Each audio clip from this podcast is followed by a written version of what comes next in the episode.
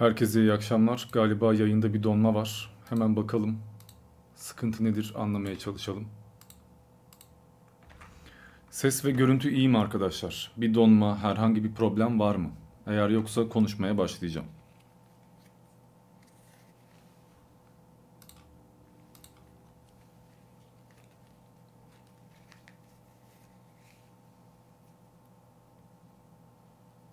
Buse iyi demiş. Zenos donma var demiş. Emin Tatlı şu an iyiye benziyor demiş. Mahmut Yılmaz yok demiş. Yayın iyi demiş Muhammed Emin El Arslan. Donma oluyor diyen de var, problem yok diyen de var. Demek ki donma oluyorsa sizin internetinizle alakası olabilir. Veya artık düzelmiş olabilir. Ben eski yorumları okuyor olabilir. Çok uzatmayacağım. Hemen konuya gireceğim çünkü bir sohbet muhabbet canlı yayını yapmıyoruz. Bir konumuz var. Elbette konu bittikten sonra kendi aramızda konuşmaya başlayabiliriz. Bir garanti veremeyeceğim. Ama daha en başında duyurmam gereken şeyleri duyurayım. Şimdi bu yayını normalde Erlik'le birlikte yapacaktık. Ama dün akşam bir trafik kazası geçirdi. Bu yüzden yayına katılamıyor ve tek başıma yapıyorum. Öncelikle Erlik'e geçmiş olsun diyorum. Çok ciddi bir şey yokmuş. Kısa sürede iyileşir. Bir daha bir yayın yaparız zaten ya merak etmeyin. Yayın komple iptal değil başka bir konuda başka bir yayın yakın zamanda yapılır. Ben bu hafta başka bir video hazırlamamıştım zaten konuğum var diye. Konuk iptal olunca haftayı boş geçmek istemedim. Başka bir video çekip paylaşmak da istemedim. Konu taze ve önemli bir konu. O yüzden tek başıma anlatacağım. Bu yayında birkaç şey konuşacağız. Bir, İmam Hatiplerin tarihi ve bunun Demokrat Parti ile ilişkisi. İki, tarikat yurtları ve din zulmü. Ya buna istenmediği halde zorla tesettüre giren kızlar da dahiller. 3. Bütün bunlar kapsamında ülkemizdeki din ve zihniyet problemi. Ayrıyeten hepimizin yaşadığı problemler. Öncelikle, laik Türkiye'de tarikat olması bir problem mi? Eğer ülke laikse herkes istediği dini yaşamakta özgürdür ve isteyen kendi dindaşlarıyla toplu bir ibadet ya da toplantılar düzenleyebilir değil mi? Bunda bir problem görmüyor.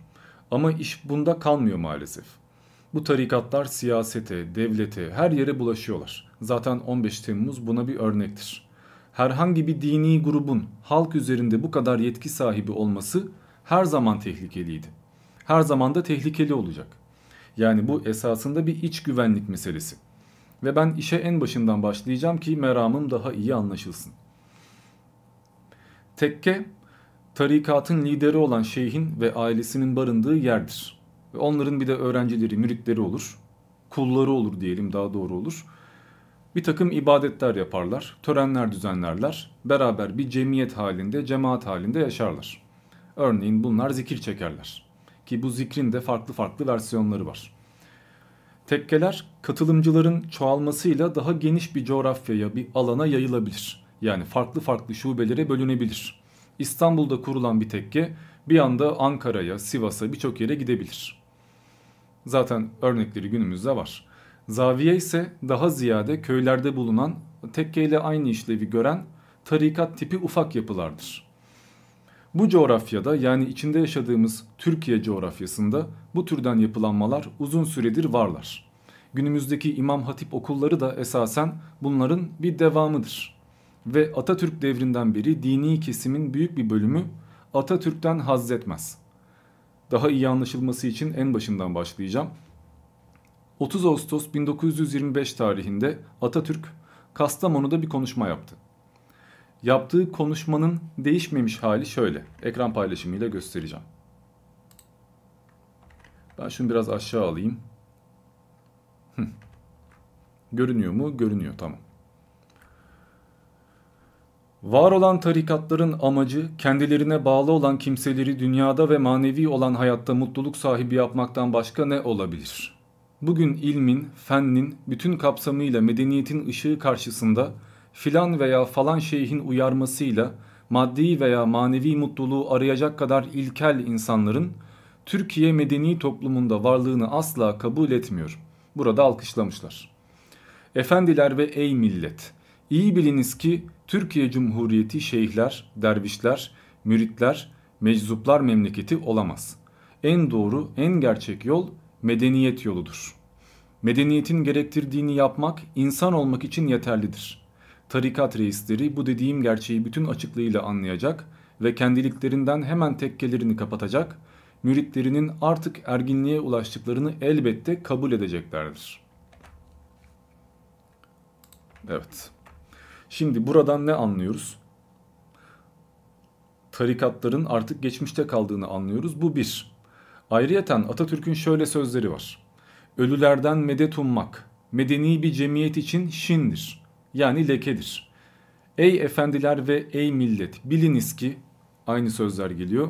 Türkiye Cumhuriyeti şeyhler, dervişler, müritler ve mensuplar memleketi olamaz.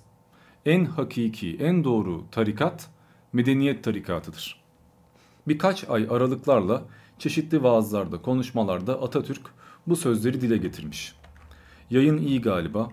Herhangi bir donma yok. Devam ediyorum. 30 Kasım 1925'te de az önce gösterdiğim türden konuşmalar devam etmiş ve 677 sayılı tekke, zaviye ve türbelerin kapatılması kanunuyla olay sonuca bağlanmış. Bu bir Atatürk devrimiydi. Bu yüzden de bu tekke, zaviye ve tarikatlere bağlı olanlar Atatürk'ten haz etmiyorlar. Bu yüzden az önce bunu söyledim. Yayın donuyor diyenler var gene. Allah Allah. Bit hızını biraz daha düşüreyim madem. Niye böyle önemli yayınlarda hep bir donma bir sıkıntı oluyor anlamış değilim zaten.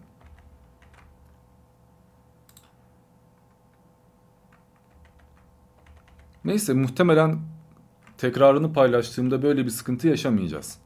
Şu an kaydında belki bilmiyorum size gönderirken sıkıntı yapıyor olabilir. Ben konuyu bölmek istemiyorum.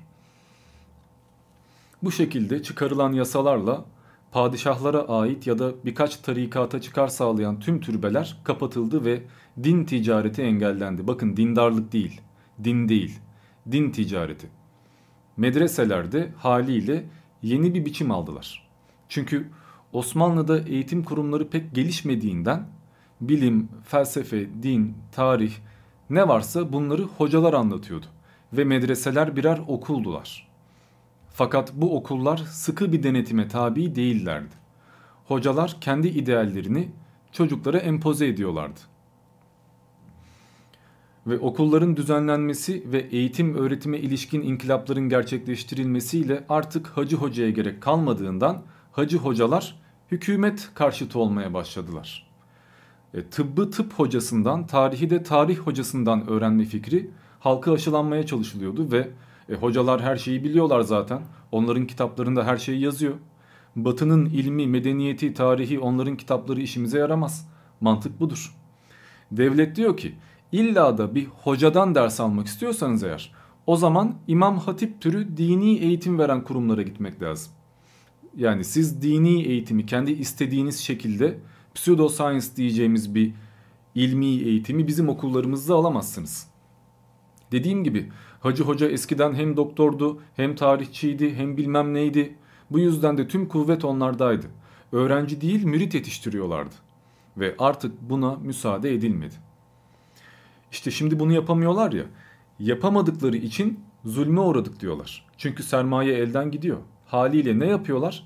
Dernek adı altında toplanıp kapabildiklerini kapmaya çalışıyorlar. Ve güç onlara geçtiği takdirde ki günümüzde bu iyi bir örnektir. Tam tersini onlar yapıyorlar. Siz zamanında bize şunu yaptınız biz de size bunu yapıyoruz. Devran döndü sıra bize geldi. Yani halkın kendi halkına karşı bir düşmanlığı var. İyi galiba yayın. Bende donuyor gibi görünüyor da yorumlarda öyle bir şey görmedim. Devam edeyim. Harf devrimi yapılmadan önce Osmanlıcayı okuyan ve yazan erkeklerin oranı %7 ila %10 civarında geziyor. Kadınlardaki oransa %0.4 yani binde 4. Zaten harf devrimi videosunda bunlardan bahsetmiştim. Türkiye ilk kurulduğunda 13 milyon civarında bir nüfusu var ve bunun 11 milyon civarı köylerde yaşıyor. Toplam 40 bin köy var ve 30 38 galiba 37 veya 38 yani neredeyse %90'ından fazlası rahat bir şekilde okula sahip değil. Toparlayayım Türkiye'de 40 bin civarı köy var ve 37-38 bin civarında köyde okul yok. Yeterli bir açıklama herhalde. Ülkede doğru düzgün doktor bile yok. Mesela diş doktoru yok. Ve sırf bu yüzden Atatürk dişlerini yaptırmak için mecburiyetten yurt dışından doktor getiriyor. 10. yıl nutku falan bunlar yapılmış dişlerle veriliyor. Zaten dikkatli bakın daha yeni yapılmış düşme ihtimali var rahat rahat konuşamıyor adam. Ve Türkiye'de Cumhuriyet öncesinde özellikle okul yaşına gelen her 4 çocuktan 3'ü okula gidemiyor. Kız çocukları ise zaten hiçbir şekilde okula gidemiyorlar. Genelde halk eğitim alıyorsa dini bir eğitim alıyor. Ve bu devlet destekli değil. Tekke ve zaviyeler Osmanlıca bile öğrenilmesine karşılar. Birçoğuna göre Osmanlıca Arapçaya bir hakaret. Ve şimdi bu adamlar kalkmışlar diyorlar ki Osmanlıca gitti harf devrimi yüzünden bir gecede cahil kaldık. Hayır kardeşim sen her zaman cahildin. Ama şimdi bunu kullanmak hoşuna gidiyor. Yani zannetmeyin ki dindar kesim Osmanlı zamanında Osmanlı'ya sıkı sıkıya bağlıydı. Tam tersi Osmanlı'yı kullanıyorlardı bir yere kadar. Çünkü Osmanlı da dini kullanıyordu. Bunlar ama başka konular neyse. Şu örnekler bile yeter yani birçok videomda anlattım zaten. Osmanlı'nın son yıllarında İngilizlerle anlaşan kim? İngilizlere destek veren hacı hocalar kimlerden çıktı? Bunlar Müslüman değil mi? Ya da Kur'an'da dost edinmeyin diye net bir şekilde söylenen bir takım zümreler var değil mi? Bazı dindar kesimler. Şu kişileri dost edinmeyin ayet var yani. E, onlarla anlaşıp İngiliz muhipleri cemiyetini kuranlar ve onlara katılanlar kimler? Kuvvacılar mı? Hacı hocalar ya. Neden İngiliz muhipleri hacı hoca kaynıyor? Ya şapka takmadı diye idam edildi diyerek öne sürülen İskilipli Atıf gibi adamlar niye İngilizlerle işbirliği yapıyorlar? Onunla alakalı da videom var merak eden bakar. Şeyhül İslam niçin kuvvacıları öldürmek helaldir diye fetva veriyor. Bir düşünmek lazım. Düşman uçaklarıyla halka broşürler dağıtıp Mustafa Kemal'in idamına ferman çıkaranlar kimler mesela? Hristiyanlar mı? Dönüp bir baktığınızda Osmanlı parçalanıyorken bunda en büyük katkısı olanlar dinci camia. Yani Şerif isyanı bile bir örnektir. Arap topraklarında İngilizler geziyorlar ve Araplar diyorlar ki İngilizler bizim din dostumuzdur. Osmanlı'yı bilmem ne yapalım.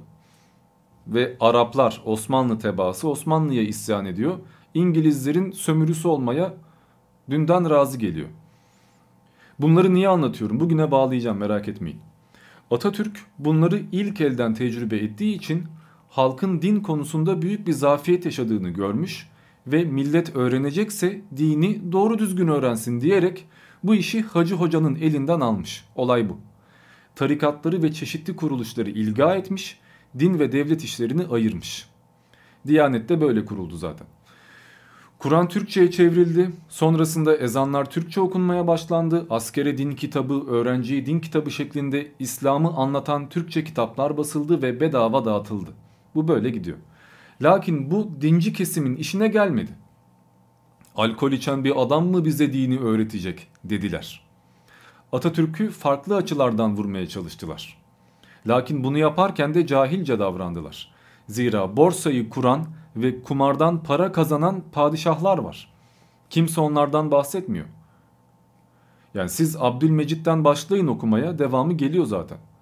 Atatürk bira fabrikası açtırdı diye linç ediyorlar. Ama şampanya ve rakı fabrikaları açan, şarap haramdır ama rom değildir diyen Şeyhülislam'ı bu yönde fetvalar verdirten bir Osmanlı ecdadından bahsetmiyorlar. 13-14 yaşında kızları hareme alan bir ecdattan bahsetmiyorlar. Bunları kimse görmüyor. Bakın Osmanlı düşmanlığı yapmıyorum. Atatürk'ü veya Cumhuriyeti övmek için illa da başka bir şeye düşmanlık etmek zorunda değiliz zaten. Ama madem tarih, madem gerçek, e bunlar da var yani. Ayrıca mesela İslam'a göre resim çizmek, suret çizmek günahtır. Birçok kişi halen daha evinde resim bulundurmaz mesela değil mi? Ama Sultan Abdülmecit özellikle nüyü çizen bir ressamdır. Yani çıplak çizimler yapar. Bayağı mahrem yani. Hatta avludaki kadınlar diye meşhur bir tablosu var. Haremdeki kadınları çırılçıplak çizmiş ve Paris'te sergilettirmiş. İnanmayanlar internete yazsınlar çıkar zaten. 1.6 milyona satılmıştı bu. 2013 mü 2014 mü ne? Daha yeni yani. Ha, bu arada bir de internet de, demişken internette meşhur olan bir söylev var. Bu tekke ve zaviyelerle alakalı hep Atatürk'e atfediyorlar. O konuda bir düzeltme yapmak istiyorum. Zira ben bunu çok fazla gördüm ve bu yanlış. Şöyle verelim. Hemen devam edelim. Nerede? Şöyle aşağılarda. Heh şu. Sosyal medyada paylaşılan o söz Atatürk'e ait değil. Bu normal bir haber şimdi. Bu yüzden ciddiye alınmayabilir. Ama zaten bu bilinen bir şeydir. Yani okuyayım şöyle. Efendiler, biz tekke ve zaviyeleri din düşmanı olduğumuz için değil, bilakis bu tip yapılar din ve devlet düşmanı olduğu, Selçuklu ve Osmanlı'yı bu yüzden batırdığı için yasakladık. Çok değil 100 yıla kalmadan eğer bu sözlerime dikkat etmezseniz göreceksiniz ki bazı kişiler bazı cemaatlerle bir araya gelerek bizlerin din düşmanı olduğunu öne sürecek, sizlerin oyunu alarak başa geçecek ama sıra devleti bölüşmeye geldiğinde birbirine düşeceklerdir. Ayrıca unutmayın ki o gün geldiğinde her bir taraf diğerini dinsizlikle suçlamaktan geri kalmayacaktır. Mustafa Kemal Atatürk 17 Aralık 1927 Ankara. Bu saçma sapan paint ile hazırlanmış bir görsel. Bunun benzeri bir sürü var ve paylaşıldı. Bu niye bu kadar ünlü oldu? Çünkü FETÖ ile ara açıldığı zaman gördünüz mü bakın onlar beraber bölüşüyorlardı şimdi bu hale geldiler diyerek Atatürk'ün 100 yıl sonrasını nasıl gördüğünü öne sürmek istedi bazı arkadaşlar. Halbuki böyle bir şey yok. Yani adamın böyle bir sözü yok. Bu da enteresan bir şey yani. Ben Atatürk'le ilgili okuduğum herhangi bir kaynakta buna denk gelmedim. Zaten kitaplık turu videomda da ne kadar çok kaynağa sahip olduğumu gösterdim yani. Onların arasında okumadığım kalmamıştır. Ha, okudum da acaba hatırlamıyor muyum? Acaba gözümden mi kaçtı? Belki bir ihtimal diyeceğim ama ya baktığında zaten bu Atatürk'e uyan bir metin değil. Yani Salih Bozok'un hatıralarında yazıyor diyorlar. Öyle kaynak verenler var Facebook'ta falan. E, o kitabı da daha geçenlerde okudum yine öyle bir şeye denk gelmedim. Zaten bir düşünün yani Selçuklu ve Osmanlı'yı batırdığı için gibi bir cümleyi Atatürk kullanmaz. Yani batırmak nedir ya? Bu son zamanlarda bizim kullandığımız türden bir tabir.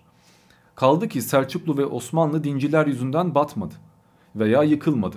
Elbette bunların etkisi oldu ama esas sebep askeri politikalar ve ekonomiydi. E bunu Atatürk de biliyordu. Haliyle böyle bir şey söylemez zaten. Kemalist geçinen bazı tipler adamı daha da yüce göstermek için, daha da ileri görüşlü göstermek için muhtemelen böyle bir şey uydurmuşlar. Yani sanki yeterince üstün bir adam değil de böyle sahtekarlıklara ihtiyacımız var gibi davranıyorlar. Bilmiyorum biz böyle bir milletiz yani hoşumuza gidiyor demek ki.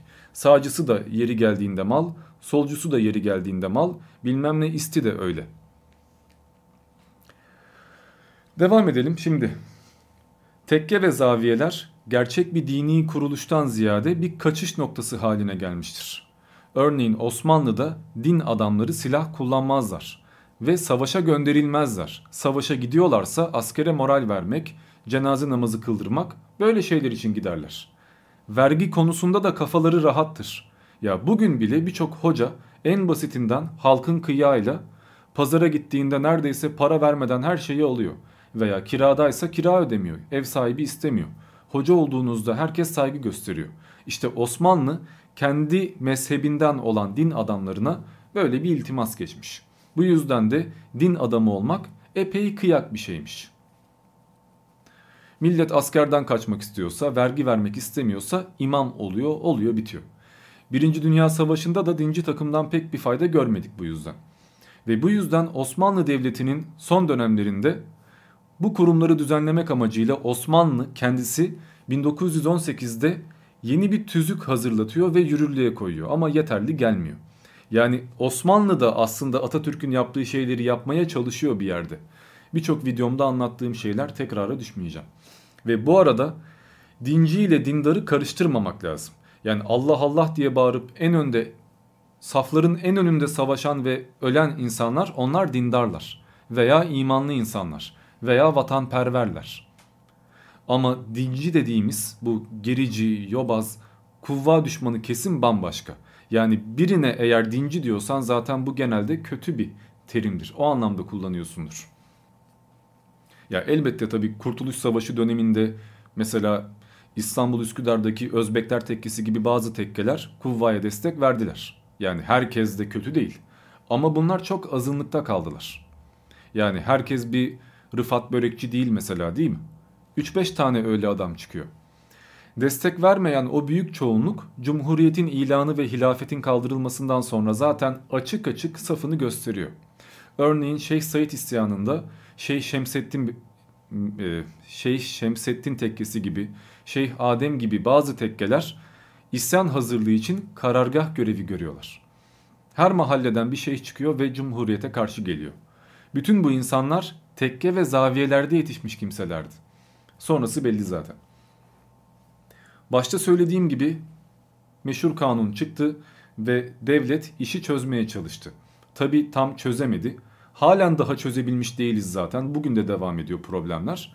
Ve bugünkü İmam Hatip liselerinin kökü 1913 yılında imam veya hatip yetiştirmek üzere açılan ve daha sonra Medresetül Vazin ile birleştirilerek Medresetül İrşad adını alan Medresetül İlmetil vel Hutaba'dır. Söylemesi biraz kafa karıştırıcı ama özetle bu okullardaki amaç adı üzerinde imam yetiştirmektir. Yani bu okullar sadece imam yetiştirmek için varlar. Ve bu okulların vereceği fen eğitimi, ilim eğitimi de İslami külliyata göre şekilleniyor. Zaten batıyı reddediyorlar. Lakin daha sonra bu görev Cumhuriyet devrinde Tevhidi Tedrisat Kanunu ile beraber devlet kurumlarına bırakıldı. İmamlık için ayrı okullar kurulmasına karar verildi. O en başında söylediğim var ya eğer illa da dini eğitim almak istiyorsan böyle böyle okullara gitmen lazım diyen bir Atatürk var. Kanunda öngörülen bu okullara 1924 yılında İmam Hatip Mektepleri adı verildi. Ve bunlar ortaokul seviyesindeydiler. 4 yıl süreni var, 5 yıl süreni var değişiyor. Yani yıldan yıla verdiği eğitim süresi değişiyor ama zaten çok uzun süre kalmadı bunlar. Anlatacağım. Bu okullardaki amaç sadece imam yetiştirmek değil, aynı zamanda ümmetten önce vatan millet sevgisi bilen kişiler yaratmaktı. Zira ümmetin milletten önce geldiğini Osmanlı yıkılıyorken gördük. Bu yüzden zaten Osmanlı parçalandı. Bir yerde öyle. Ders saatlerinin çoğunda bilim ve yabancı dil dersleri veriliyordu. Dinle ilgili derslerse ikinci plandaydı. Yani önce dini öğrenmeden bir tarihe bak, bir bilime bak, bir dünyaya bak, sonra dine bak deniliyordu. Öyle 3 yaşında Kur'an kursuna yollayıp beyin yıkanmıyordu. Bu yüzden de işe yaramadı zaten. Kimse ilim, bilim, fen veya yabancı dil öğrenmek derdinde değildi. Bu mektepler 1930'da öğrenci yokluğu yüzünden tamamen kapatıldılar. Ve 1948'e kadar başka bir imam hatip eğitimi yapılmadı. Bu boşluk da işte Cumhuriyet din düşmanıdır, Atatürk devrinde istediğimiz gibi eğitim alamadık, din zulmü gördük diyenlere bahane veriyor. Halbuki din eğitimi verilmek istenmiş ama millet beğenmemiş. Hal böyle olunca din eğitimi 1930 ile 1948 yılları arasında yalnızca Diyanet İşleri Başkanlığı bünyesinde açılan Kur'an kurslarında verilebildi. Ki o günkü Kur'an kursları da bugünkü gibi değildi aslında. Bir yandan Kur'an-ı Kerim ve Buhari'nin hadisleri Türkçe'ye tercüme edildi ve ezan da Türkçe okunmaya başladı, başlandı. Birçok kişi dinde Türkçeleşmeyi hata saysa da bu ilerleyici bir adımdı ve gayet de mantıklıydı. İnsanlar en azından Kur'an kursunda okudukları şeyleri anladılar. Namaz kılarken hangi duayı okuyorum ve ne anlama geliyor bunu gördüler. Ama tabi insanlar bununla memnun olamadılar ve hata aramak istediler. İlla da bir hata bakacaksak ben mesela CHP'nin şöyle bir hatasını buldum. En azından bana hata gibi geliyor. Şöyle anlatayım. Önce bir sayfayı da vereyim bir dakika. Sonra unutuyorum aklımdan çıkıyor. Şurada kalsın şöyle. Zaten okuyacağım. Şimdi bu ülke layık değil mi? Ve layık bir ülkede belli bir dinin özellikle eğitime sunulması söz konusu olamaz. Zaten ben din eğitimi verilmeli mi podcastinde bundan bahsetmiştim. Ancak talep vardır, istek vardır. Ona göre bir düzenleme yapılır. Ama 21 Ekim 1950'de 4. ve 5. sınıflarda CHP'nin de isteğiyle zorunlu ders olarak din eğitimi verilmeye başlanıyor. Hemen okuyalım. Bakalım yayında güzel görünüyor mu? Galiba yazıyı örtmüyor. Evet kaynaklarda görünüyor. Önce bir kaynağı göstereyim bir saniye. Demokrat Parti dönemi din eğitimi bağlamında İmam Hatip okulları. Atiye Emiroğlu, Necmi Uyanık. The Pursuit of History. 2017 yıl 18. sayı. Aşağı inelim. Sayfa kaç? Şöyle. Hatta bunu büyüteyim daha rahat okuyun. Peki şimdi ben engelliyor muyum görüntüyü? Bir daha bakayım. Tamam böyle bir sıkıntı yok herhalde. CHP'nin son dönemlerinde isteğe bağlı olarak verilen din eğitimi 21 Ekim 1950 tarihinden geçerli olmak üzere 4. ve 5. sınıflarda zorunlu ders olarak yer almış, bu dersin alınmasını istemeyen velilerin öğretim yılı başında okul yönetimine dilekçeyle durumu bildirmeleri şart koşulmuştur. Devamını okumuyorum uzuyor çünkü. Şimdi buraya şöyle güzel eklemeler yapacağım. Arkadaşlar, şimdi eğer laiksen herkese zorunlu bir şekilde din dersini verip de sonra istemeyenler dilekçe versin diyemezsin. Tam tersi biz böyle bir ders vereceğiz. Almak isteyenler varsa eğer kaydolsunlar demen gerekir. Yani gelmek isteyen gelir, istemeyen gelmez. Sen belli bir dini özellikle eğer öğretmek istiyorsan o zaman laikliğe karşı bir iş yapıyorsun demektir. Yani bu laikliğe mugayir bir şeydir. Ayrıyeten 20 yıldır Atatürk muhalefeti yapan dinci kesime de çanak tutuyorsun demektir. Ama bundaki olay amaç yani oy kazanmak. Bu yüzden de normal. Zira muhafazakar kesimden bir parti yani Demokrat Parti büyük bir tehdit oluşturuyor. Adamlar gerçekten iktidara yürüyorlar ve ipin ucu da orada kaçıyor. CHP daha dindar görünmeye çalışıyor. Atatürk ilkelerinden iyice kopuyorlar. Medeni Bilgiler kitabı eğitimden kaldırılıyor. Marshall Planı ile birçok anlaşma yapılıyor vesaire çoğuna girmeyeceğim. Zaten ülkede bir şekillenme durumu var. 1950 sonrasında bazı önemli paşaların ve sultanların türbeleri onarılıyor ve ziyarete açılıyor. Bu da cilası oluyor. Lan adam daha birkaç sene önce bunları kapattırmış. Halk bunlardan medet umuyor. Ölüyle konuşmaya gidiyor. Kaderci oluyor demiş ve bunu engellemiş. Bunun bir ülküsü, bir amacı var. Oy kazanacağım diye bunu yapmak nedir ya? Mesela İstanbul'da Koca Mustafa Reşit Paşa veya Gazi Osman Paşa'nın türbeleri açılmış ve arkasından da Kanuni Sultan Süleyman, Yavuz Sultan Selim bir sürü türbe. Hepsi ön plana çıkıyor bunların. Halk türbelere gidiyor ve ölülerden medet ummaya başlıyorlar. Ve Türkiye daha bir kuşaktır değişmekte olduğu için hani bugünkü zihniyet yok, bugünkü teknoloji yok, bugünkü aydınlanmışlık yok. Geçmişe bir özlem duyuyor. Çünkü oradaki 50 yaşındaki adam daha 30 sene önce gittiği tekkeyi, dergahı özlüyor. Ve 1950 seçimlerinden sonra iktidara geçen Demokrat Parti yeniden İmam Hatip okullarını açıyor. Fakat Atatürk'ün istediği türden değil. 7 yıl eğitim süresi veren İmam Hatip okulları hemen böyle 1-2 yıl içinde birçok ilde faaliyete geçiyor. Galiba 7 ildi ve Menderes'ten sonra özellikle 63-64 yıllarında İmam Hatip okullarına ilk defa parasız yatılı öğrenci alınmaya başlanıyor. Bir düşünmek lazım. Siz bugün burs istediğinizde sınav birincisi olsanız bile 5 milyon teferruatla uğraştırıyorlar değil mi? Ama iş din olduğunda adamlar bedava yatılı okul ayarlamışlar. Ve bu para devletten çıkmış. Fakat ondan önce Menderes devrinde daha önemli şeyler yaşandı. Mesela Menderes devrinde ezan Türkçeden Arapçaya çevrildi ve bundaki gerekçe dinin üzerindeki kısıtlamaları kaldırmaktı. Din özgürlüğüydü. Yani halkın doğduğundan beri konuştuğu, okuyup anladığı, bildiği dil bir kısıtlama ama kimsenin ne anlama geldiğini bilmediği bir dil özgürlükçü. Enteresan bir kafa yani. E bir bakalım. Tamam. Madem öyle üzerinden 60 yıl geçti arkadaşlar.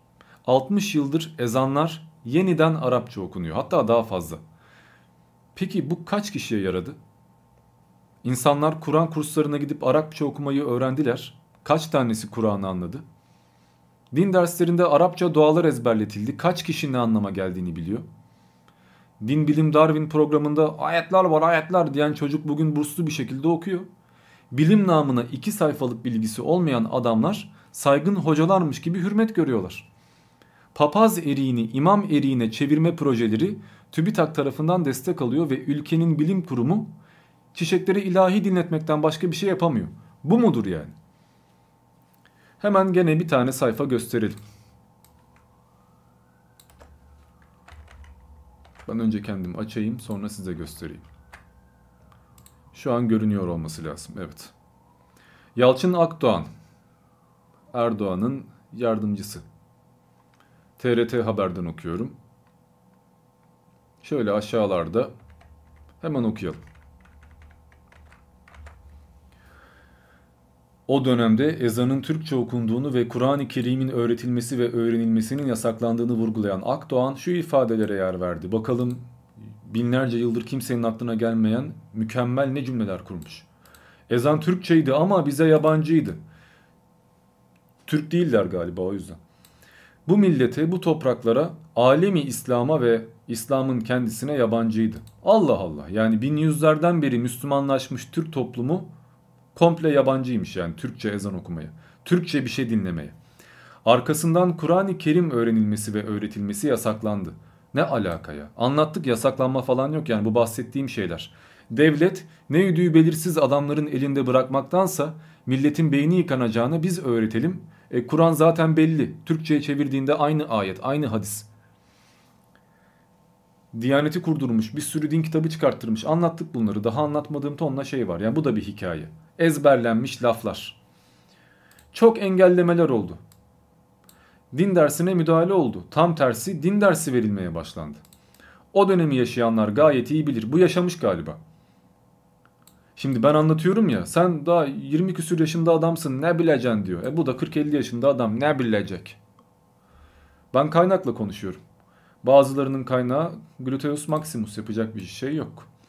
Kur'an kurslarının üzerine nasıl gidildiğini iyi bilir. Kim bilir? Cami mahyalarında bile rejimin propagandası yapılıyor. Peki şu an kim propaganda yapıyor? Varol İnönü gibi mahyalarla milli şefe selam çakılıyordu.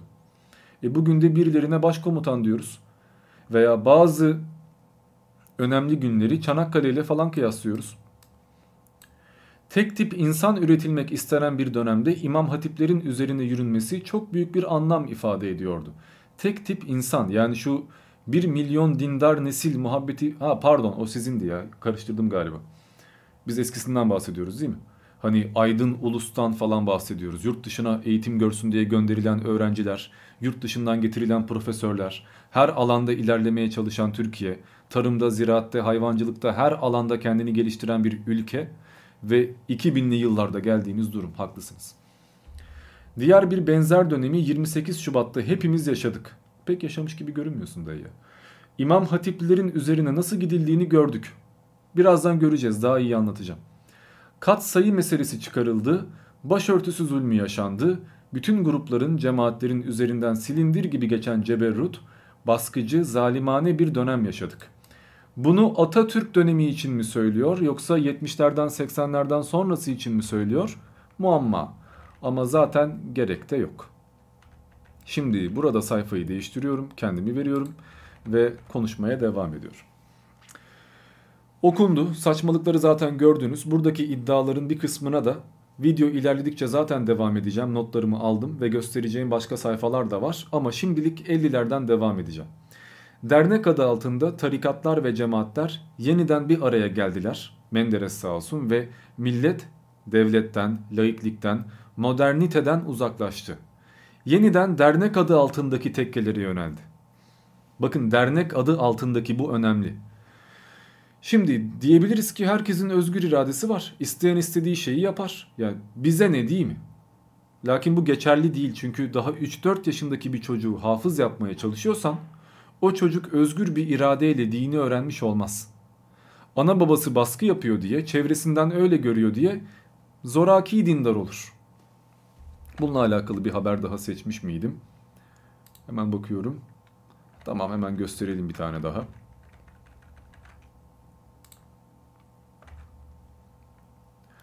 Konya'da İmam Hatip okullarını açan Adnan Menderes döneminde neler yapıldı? Memleket.com şöyle aşağılarda işaretlemiştim.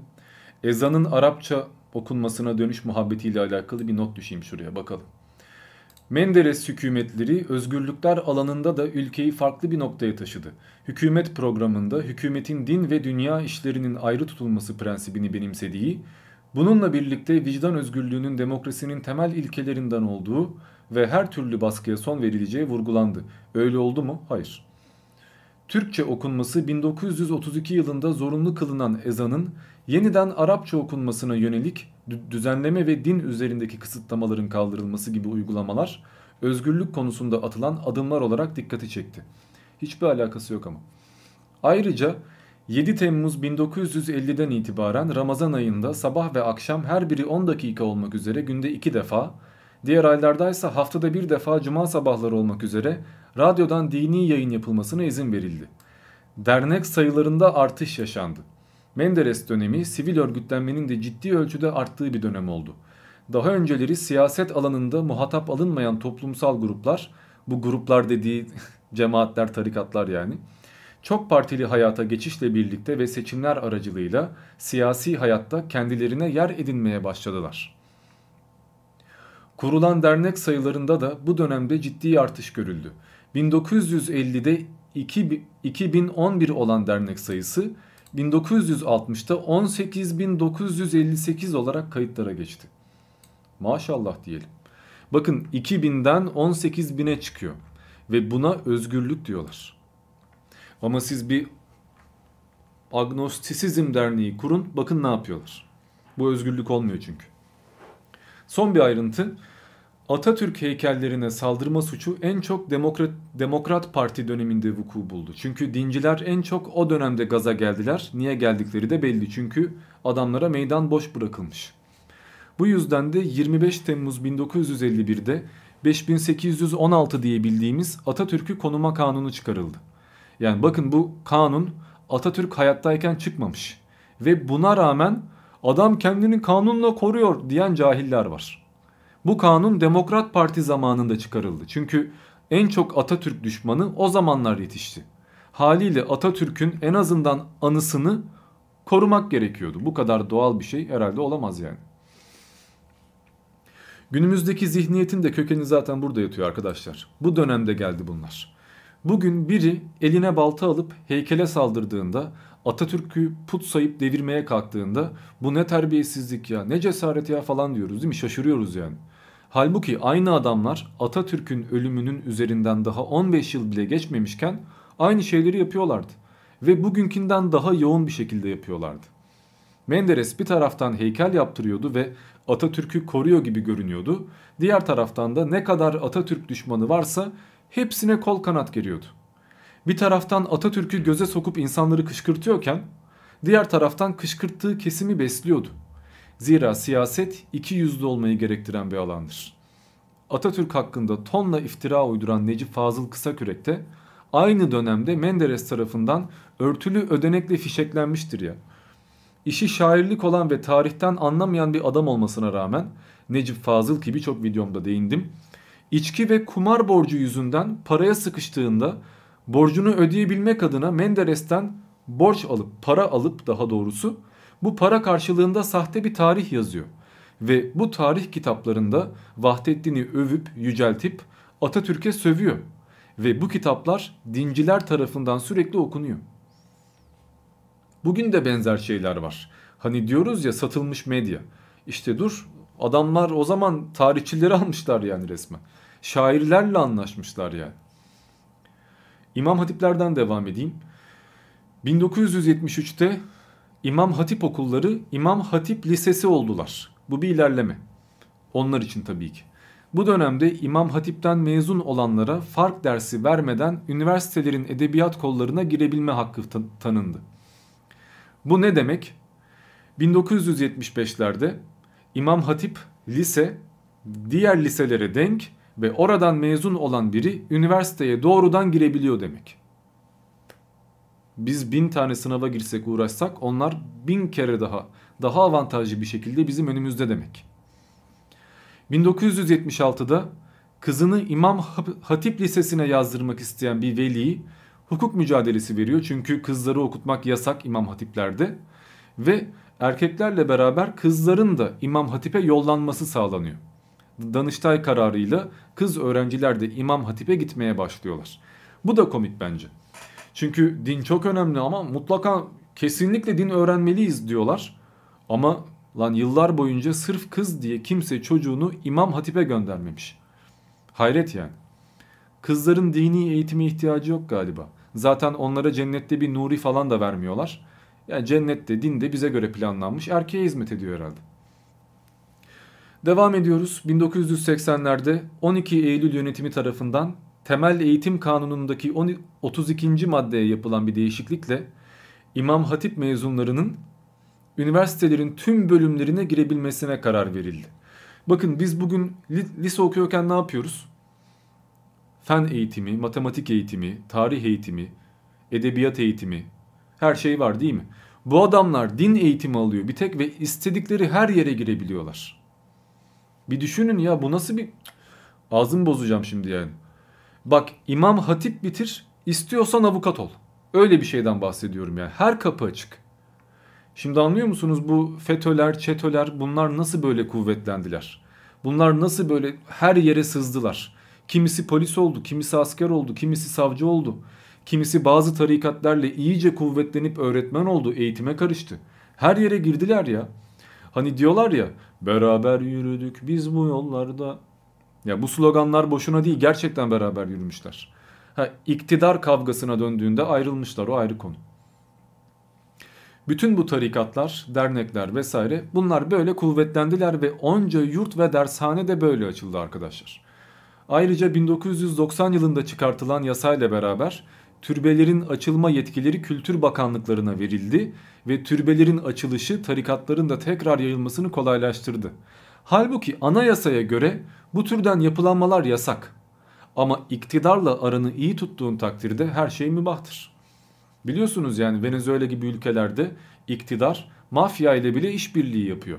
Hatta iktidar bizzat uyuşturucu ticaretine el atıp kar elde ediyor.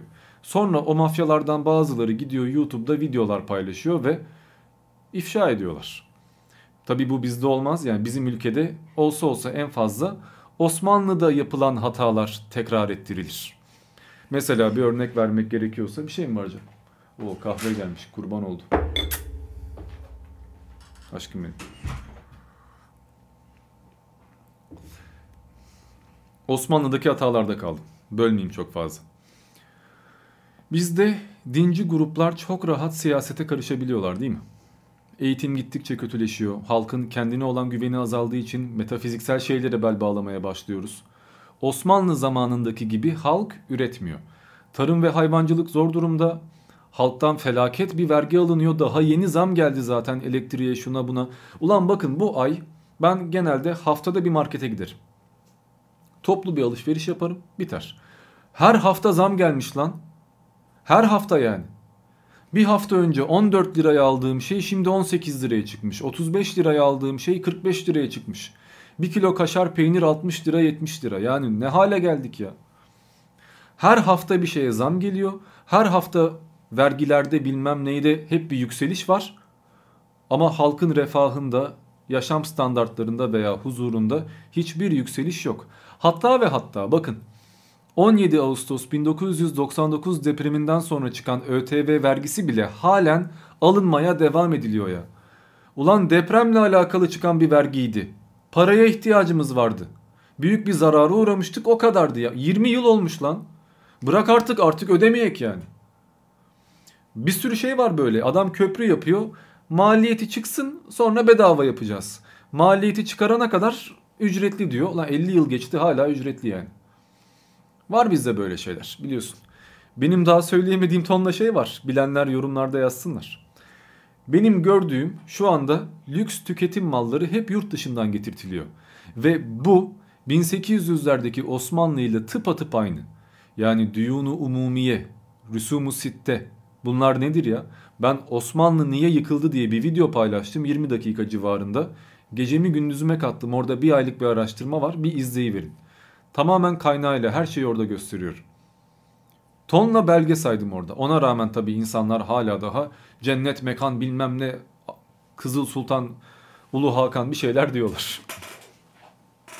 Bugün Türkiye 1800'lerde neyse tamamen o durumda. Tamamen yani tek fark telefonlarımız var. Bilgisayarlarımız var zaten biliyorsunuz. Buzdolapları da bu hükümet devrinde geldi. 20 yıl önce buzdolabı yoktu, televizyon yoktu, ölmüştük. O zaman ekmek kuyruklarında bekliyorduk sırada. Şimdi market kuyruklarında bekliyoruz. Herkes kapış yapıyor. Zam gelmeden birkaç tane daha bir şey alayım diyor. İstifliyor yani. Ama oralara çok fazla girmeyelim. Devam ediyorum. Dışa bağımlıyız. Birçok kurum özelleştirildi. Teknolojik aletler birçok şey dışarıdan geliyor ve birçok marka Türkiye'den çekildi. Ben de olsam ben de öyle yaparım. Ama neyse hadi. Ekonomi mükemmel olduğu için ekonomi hakkında konuşmak yasak. Onunla alakalı da kanun çıkaracaklar ya. Ekonomi konuşmak yasak anasını satayım. Ekonomi kötü demek mesela suç. Kötü değil tabii ki ama suç. Çünkü ekonomi kötü. Demek suç. Bu yüzden ekonomi kötü diyemiyorum. Diyemediğim için konuşmaya devam ediyorum. Konuyu değiştiriyorum. Tarikatlardan devam ediyorum. Şimdi bilindiği gibi FETÖ'cüler ülkede büyük bir kuvvete sahiptiler değil mi? Ve bunlar sistemli bir şekilde görevden alındılar. He, FETÖ'cü adı altında FETÖ ile alakası olmayan birçok kişi var. Onlar da hapse girdi. Veya Twitter'da, sosyal medyada açık açık FETÖ'cülük yapan birçok insan halen daha makam koltuğunda oturmaya devam ediyor. Onu biz bilmeyiz, büyükler daha iyi bilir. Görüldüğü kadarıyla FETÖ gittikten sonra boşalan makamlara Nakşibendiler yerleşmeye başlamış. Bu gayet normaldir yani. Bir tarikat gider, diğeri gelir. Bir hoca gözden düşer, diğeri yükselir. Ya, tarihte bu her zaman böyle olmuş zaten. Bu imparatorluklar için bile geçerli. Din her zaman açık, her zaman halka basit görünen ve iktidarın elinde silaha dönüşen sömürüye gayet uygun bir müessese olmuş ve genellikle zayıf iktidarlar hep dini kullanmışlar. Dini siyasete alet etmişler ki bununla alakalı örnek vermesem de olur. AKP hükümeti bakın bu iftira falan değil yani AKP deyince hemen davalamaya çalışıyorlar. Ulan bin tane haber var yani ben söyleyince mi sıkıntı oluyor? Şok gelmiş Diamond adımı okumadı çıkıyorum takipten demiş. Sen benden uzundun galiba değil mi? Devam edeyim. Konu ciddi bozmak istemiyorum. Nerede kaldım ha? AKP diyordum. Neyse AKP 2014 yılında kanun değişikliği yaparak özel okullarda öğrenim gören öğrencilere eğitim desteği vermeye başladı. Ve kanun değişikliğinin yapıldığı ilk yıl destek verilecek öğrenci sayısı 250 bin kişi olarak belirlendi. Ve her biri 2000 ila 3000 lira arasında ödeme alacaktı. Bu arada da tarikat ve cemaatlere ait özel okullarda okuyan öğrenciler için devlet 898 milyon lira para harcadı. Bütün bu tarikat yurtları da bu dönemde kuvvetlendiler. Bir tanesi gitti ya yeni bir tanesinin yeri kapması lazım. Mesela Esergül Balcı'nın raporunda gördüğüm üzere Türkiye'de 4000'in üzerinde özel öğrenci yurdu var. Bakın söyleyemedim Ö falan yaptım yani. 4000'in üzerinde özel öğrenci yurdu var. Yazık devlet yeterince açmamış. Ve bunun 2480 tanesi bir tarikatla veya cemaatle bağlantılı. Mesela Nakşibendiliğin kolu olan Menzil Tarikatı Semerkant Öğrenci Yurdu adıyla ülke genelinde 150 tane yurda sahip. Ki bu haber de eski belki şu anda daha da çoğalmışlardır. Ya da 1970'li yıllardan bu yana Türk İslam sentezini savunan İlim Yayma Cemiyeti'nin 142 tane yurdu var. Veya Birlik Vakfı'nın ülke genelinde 200'e yakın öğrenci yurdu bulunuyor. Yani durum bu arkadaşlar. Ya bundan sonrası artık bildiğimiz şeyler. Bu tarikat yurtlarına zorla gönderilen çocuklar var. Başı ailesi tarafından zorla örtülen kızlar var. Tarikat yurtlarında başı kesilen öğrenciler var.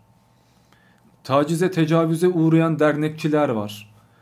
Din baskısı yüzünden intihar edenler var veya dinin getirdiği ahlak anlayışı yüzünden eşcinsel olduğu için dışlanan ve hayattan soğuyan kendini öldüren tipler var. Yazık değil mi ya? Lan bu hem mevcut hükümetin bir hatası zira milleti tarikat yurtlarına muhtaç bırakmış hatta bir bakıma gençleri tarikatçılığa teşvik etmiş hem de muhalefetin hatası. Çünkü muhalefet aman muhafazakar seçmeni kaybetmeyelim, aman dindar takılalım, aman gidip halay çekelim mantığıyla ağzını açmıyor. Her seçimden önce mutlaka bazı Atatürkçü kişileri terör sempatizanlığı yapanlarla halay çekerken görüyoruz. Veya saçma sapan gaflarla, aptal saptal laflarla rezil olurken görüyoruz. Resmen kazanmak istemiyorlar gibi yani. Ne önerge sunsalar mesela mecliste reddediliyor ve paşa paşa susuyorlar. Yani kınamaktan başka bir şey yapmıyorlar. Bugün kim bilir kaç tane gencimiz bu din siyaseti yüzünden hayattan soğudu ya. Tek bununla da kalmıyor ki yani üniversitelere yerleştirilen ne ödüğü belirsiz bir takım rektörler, akademisyenler, alanıyla gram alakası olmayan sözde öğretmenler var. E bunlar ne olacak? Adam ilahiyat mezunu, kafa örümcek gibi ya bak ilahiyat mezunu olmasıyla alakası yok. Kendi karakteriyle, kendi bilgi birikimiyle alakası var. Cahil, beyinsiz bir adam ama felsefe dersi veriyor. Lan alanın değil, bu konuda bir uzmanlığın yok ki beceremiyorsun da yani. Sözde objektif olacak ama bütün dinleri, bütün felsefi görüşleri aşağılıyor. Varsa yoksa İslam diyor. Ulan felsefe mi okumaya geldik? Kur'an kursu görmeye mi geldik? Atatürk devrinde Almanya'dan, yurt dışından akademisyen getiren bir ülkeydik. Daha 100 yıl bile olmadı ya. Çok yakın yani. Ama şimdi anca sağdan soldan mülteci getiriyoruz. Ülkeye değer katmak bir yana değer kaybediyoruz. Yani bir tek paramız değer kaybetmiyor arkadaşlar. Halkın yaşam standartları düşüyor. Dolar 13 liraya düştü diye seviniyoruz ya. Dolar 13 oldu diye sevinilir mi lan? 10 olduğunda Taksim'de millet miting yapıyordu. Millet orada eylem yapıyordu, pankart kaldırıyordu. Şimdi 13'e düştü kına yakıyoruz ya. Dolar demişken mesela buradan da biraz mükemmel ekonomimizden bahsetmek istiyorum. Mesela bugün kendimden yola çıkıyorum. Milyonlarca liram olsa, zengin olsam ya bu ülkede bu parayı değerlendirebilir miyim? Altına dolara yatırsam yarın ne olacağı belli değil. Ya batarım ya çıkarım yani. Faizleri bir yükseltirler, altın ve dolar değer kaybeder. Faizleri bir azaltırlar, altın ve dolar ikiye katlanır. İşin kötü yanı bunu haber vermeden yaparlar. Yani düşün akşam 1 milyon doların var ve 10 milyon lira ediyor diyelim. Sabah bir kalkıyorsun 5 olmuş. Veya tam tersi şanslıysan sabah bir kalkıyorsun 18 olmuş. Anında bozdurup affedersiniz hareket için pa ya paramı ikiye katlamış. Şimdi bu ülkede birikim yapmayan, parası olmayan birisi bir kere ben gideyim de birkaç bin dolar köşeye atayım diyemez. Diyemeyeceği için de para katlayamaz. Ama milyonlarca doları olan o zengin holdingler veya tarikat liderleri, o hani para yuvası dernekler nasıl oluyorsa hepsi doların yükseleceği sanki içlerine doğmuş gibi bir bozduruyorlar parayı abi. Adam 10 liradan gidiyor mesela 10 milyon lira verip 1 milyon dolar alıyor. Ertesi gün 18 milyon lirası var. Bir günde 8 milyon lira kar. Yazık yani. Şimdi öyleyse bununla oynayamayacaksın. Birkaç milyon liran var. Şansa piyango vurdu paran var diyelim. Ne yapacaksın? Gayrimenkule veya araç sektörüne yatırım yapsan onun da ne olacağı belli değil. Geçen yıl 1000 lira olan evin kirası şu an 1500-1700 ediyor. Geçen yıl 300 bin liraya satılan ev şu anda 700 bin ediyor. Şu anki ekonomi kime yarıyor kestirmek güç. Ben bugün 700 bin liraya ev alsam belki de 2 yıl sonra evin değeri 500 bine düşecek. Çünkü düşme ihtimali de var. O yüzden yatırım yapmak imkansız gibi. Şu an çok parası olan çok kazanır. Büyük bir risk alır. Eğer hükümete yakınsa veya şeyhlerle, hacı hocalarsa, hocalarla arası iyiyse bir şekilde ilhamla gökten gayipten mesajlar alıp ekonomiyi yönetebilir ve çok zenginleşebilir. Parası pulu yoksa ama sen ben gibi insanlarsa eğer fakir kalmaya devam eder. Haliyle beni geç şimdi farz et ki ben yurt dışındaki bir iş adamıyım ve Türkiye'ye yatırım yapmayı planlıyorum. Yapmam yani çünkü ne yapacağımı bilemem. Tek bununla alakası yok. Yani hem para her gün oynuyor. Kazanacağım ve harcayacağım paranın bir muhasebesi olamaz. Hem de yarın ne tür anlaşmalar yapılacağı belli değil. Birkaç yılda bir seçim var her ülkede olduğu gibi ama maalesef bizde her ülkede olduğu gibi hayat devam etmiyor. Bizde iktidar değiştiği zaman hayat komple değişiyor. Her iktidar birçok iş adamıyla, birçok cemaatli, birçok ülkeyle birçok kişiyle bir takım anlaşmalar yapıyor, ihale alıyor ve iktidar değiştiğinde anlaşmalar da değişiyor. Yani herkesin arkasında bin tane pislik çıkıyor. Yani şurada İstanbul bir el değiştirdi. Bir ayda neler ortaya çıktı. Veya Mansur Yavaş Ankara'da neleri ifşa etti. Şöyle şöyle anlaşmalar yapılmış. 10 liralık malzemeye 40 lira etiket düşmüşler. Şöyle şöyle para harcanmış vesaire.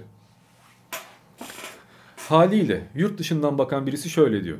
Eğer iktidar değişirse bütün ülke baştan aşağı değişecek. Neye güvenip de yatırım yapacağım? Tam tersi bir yatırım eğer yapmışsam varsa yani geri almam lazım. Zararın neresinden dönsem kardır. O yüzden şu an başa CHP veya başka bir parti bile gelse hiçbir şey değişmeyecek arkadaşlar. Yani daha iyi olmayacağız. En azından bir 10 yıl boyunca daha iyi olamayacağız.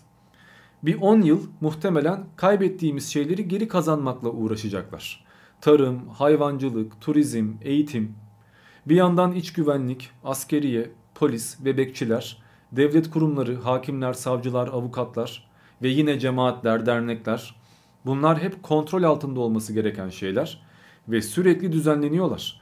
Haliyle yani ülkeyi baştan bir yenilemek gerekecek ve muhalefet başa geçse dahi 10 yıl boyunca yerinde sayacak. Millet de diyecek ki bak 10 yıldır başlasın hiçbir şey değişmedi.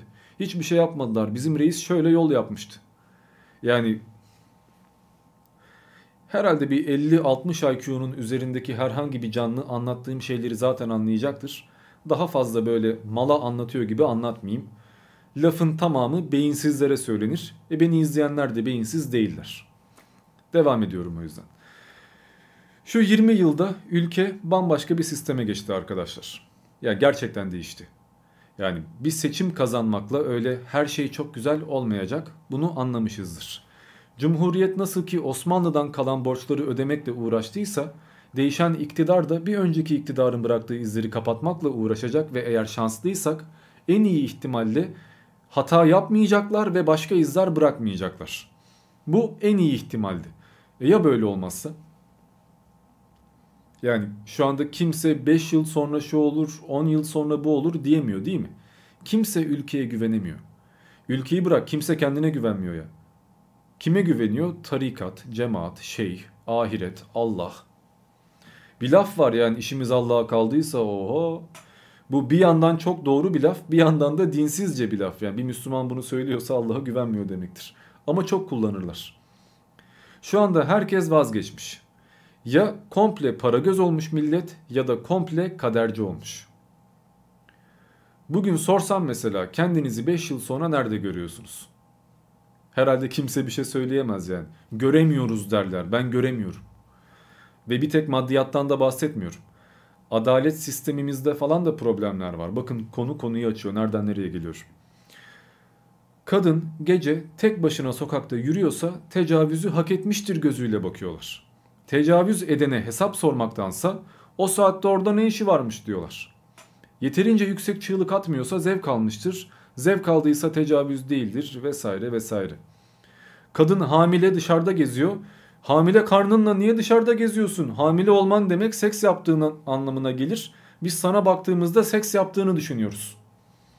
Bunu söylüyor adamlar ya. Ulan mal sen doğmuşsun değil mi? Yani eğer yerden kendi kendine bitmediysen senin anan da baban da yapmış bu işi yani. Öyleyse dışarıda gördüğün her insanda aha bu cinsel birleşim sonucunda doğmuştur demen lazım. Kafaya bak ya ulan şu IQ seviyesindeki insanların sözü geçiyor şu anda. Hakikaten acınası bir şey yani. Devam ediyorum. Ülkemizin problemleri bitmiyor. Elin kekosu 10 kere adam bıçaklıyor. 10 kere de serbest kalıyor.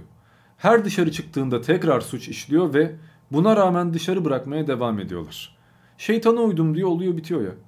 Tecavüz eden, adam öldüren tipler mahkemeye takım elbiseyle geldiklerinde iyi hal indirimi alıyorlar. Adam karısını darp etmekten, dövmekten, öldürmeye çalışmaktan hapse atılıyor ve sonra afla hapisten çıkarılıyor ve çıktığı anda gidiyor karısını öldürüyor. Otoboka af çıkarıyoruz zaten yani. Ne alakaysa kaç tane uyuşturucu satıcısı, kaç tane mafya, kaç tane katil varsa, tecavüzcü varsa hepsini dışarı bırakıyoruz. Kitap yazan, gazetecilik yapan, ne bileyim biraz eleştirel konuşan herkes de hapiste. Bu ülke ne hale geldi ya? Ya da bu ülke hep bu haldeymiş de biz yeni fark ettik herhalde. Yani öyle haberler var ki okuyunca şaka zannediyorsun. Kan donduruyor lan. Örneğin bak bir tane açayım dur. Hemen ayarlayalım. Önce anlatayım sonra okuyayım.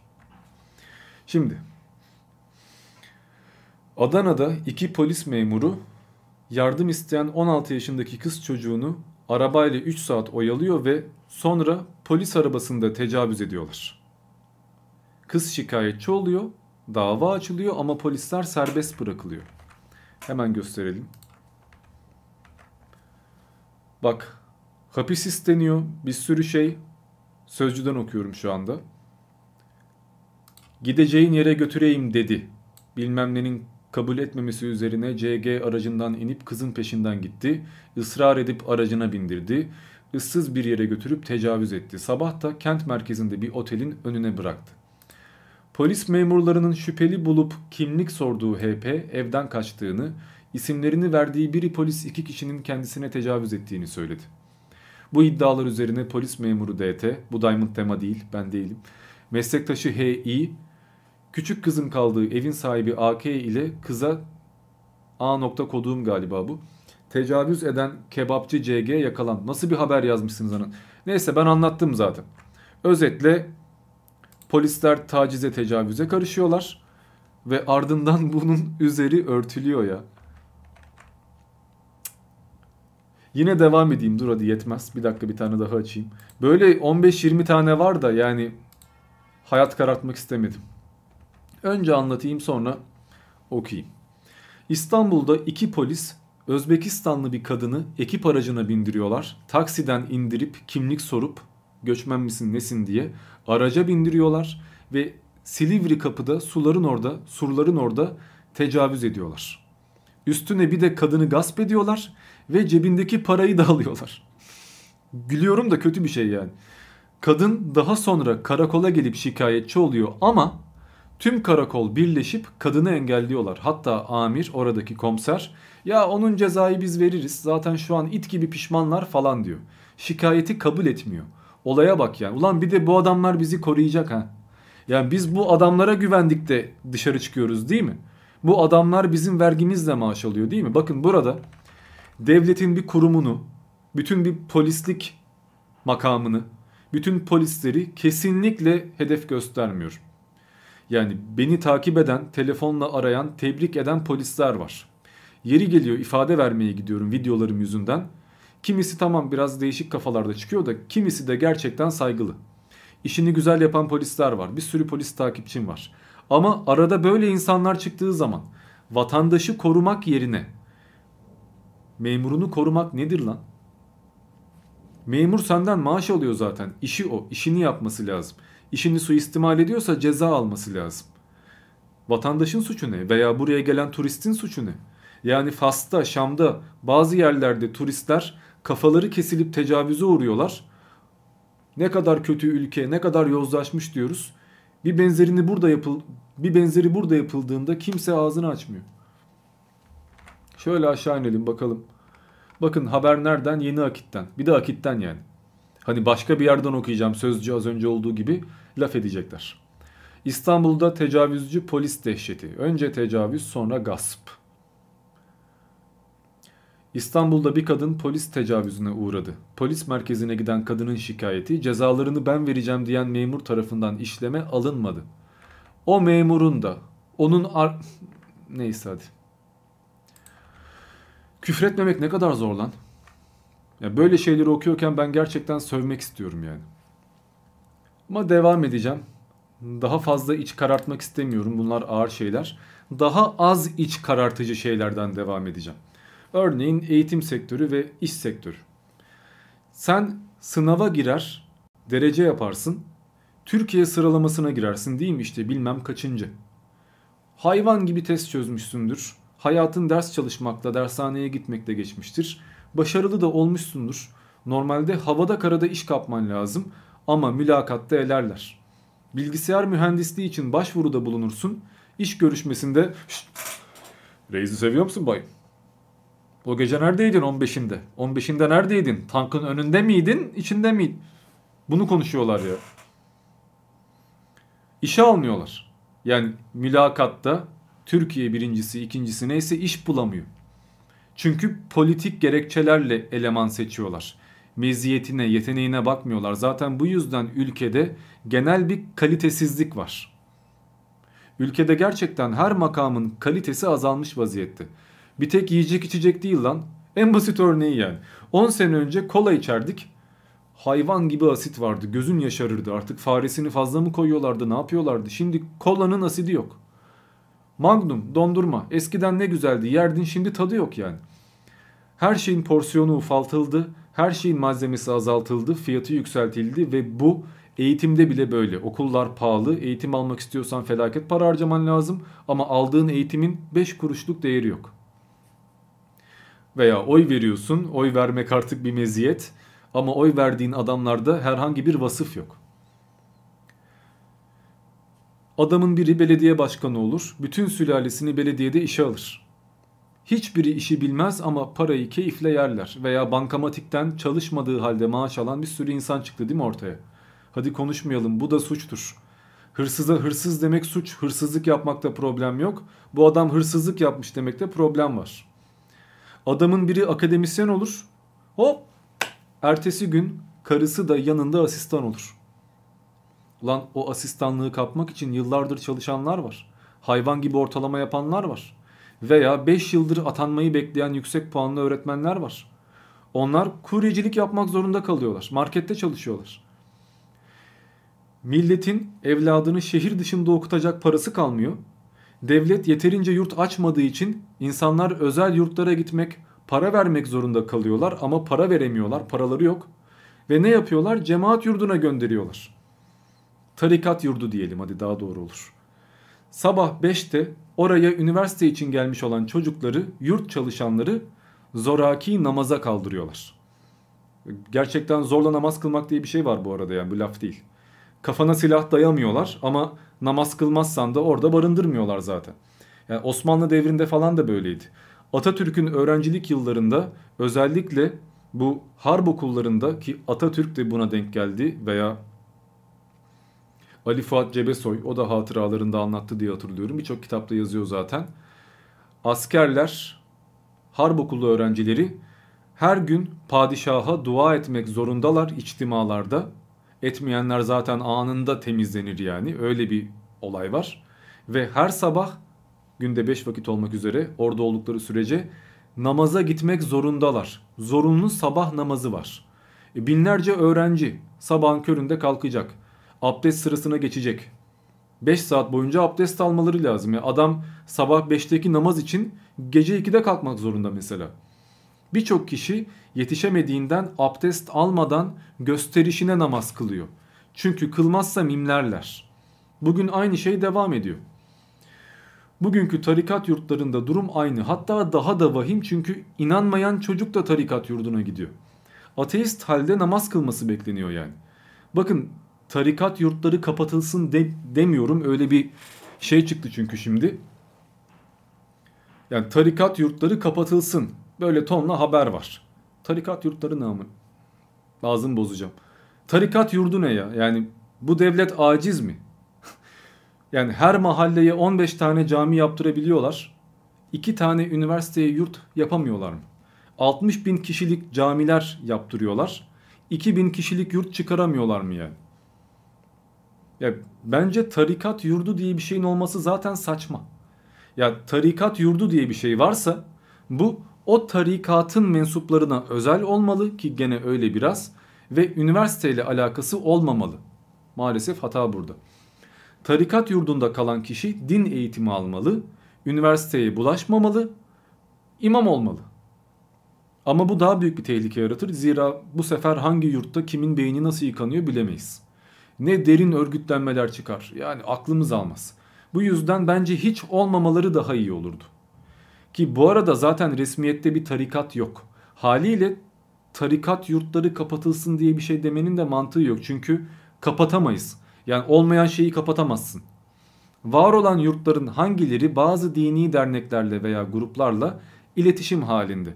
Biz bunu saptamalı ve ona göre bir düzenleme yapmak zorundayız. teftiş etmek zorundayız. Kimse biz tarikatız demiyor ki yurdu olsun yani. Ama ben daha rahat olsun diye tarikat yurdu diyeceğim. Şimdi din çok etkili bir afyondur arkadaşlar. Yani Hasan Sabbah'ın haşhaşileri öyle madde bağımlısı müptezellerden oluşmuyordu değil mi? İki tane video yaptım bununla alakalı. Orada anlattım zaten izleyenler biliyordur. Adamların cinayet motivasyonları dindi. Bugün IŞİD'in motivasyonu da din. Amerika yönetiyor, şu ülke fonluyor, CIA bilmem ne veriyor muhabbetlerini geçmek lazım. Çünkü yani sağdan soldan kalkıp IŞİD'e gönüllü bir şekilde katılanlar da mı Amerikan ajanı? Millet kendi isteğiyle gidiyor ya. 100 yıl önce Menemen'de Teğmen Kubile'yi şehit edip askerimizin kafasını kesip sancağa takan yobazlar da mesela. Amerikan ajanı mıydı onlar? Onlar da tarikatçıydı. Bugün bilmem hangi badeci hocanın koynuna girenler ajan mı? Bugün üfürükçüye eşini emanet eden, badelettiren ve mahalleye gittiğinde de benim hanıma kimse yan göze bakamaz falan diyenler, gerile gerile yürüyen o kısa kollu gömlek giyen dayılar İngiliz kuklası mı? Kaç tane kitap yazıldı, kaç tane hoca ifşalandı. Bir grup seks yapmadıkları kalmış yani bir sürü şey ortaya çıktı. Kaç tane sahte şeyh bütün cemaati kadın erkek çocuk demeden elden geçirmiş. Ona rağmen hala da yok hoca bizi kandırmadı diyorlar. Gerçi sahte şeyh demek de saçma yani. Gerçeği var mı ki sahtesi olsun ama. Gene ağzımdan ge ama iyi engelliyorum yani. Gerçeği var mı ki sahtesi olsun lan? Zaten bunların hepsi aynı kafa yani. Bugün bazı siyasi liderler için istese karımı veririm, şeref duyarım diyen adamlar var. Koca koca adamlar. Ki adam demeyi de hak etmiyorlar yani.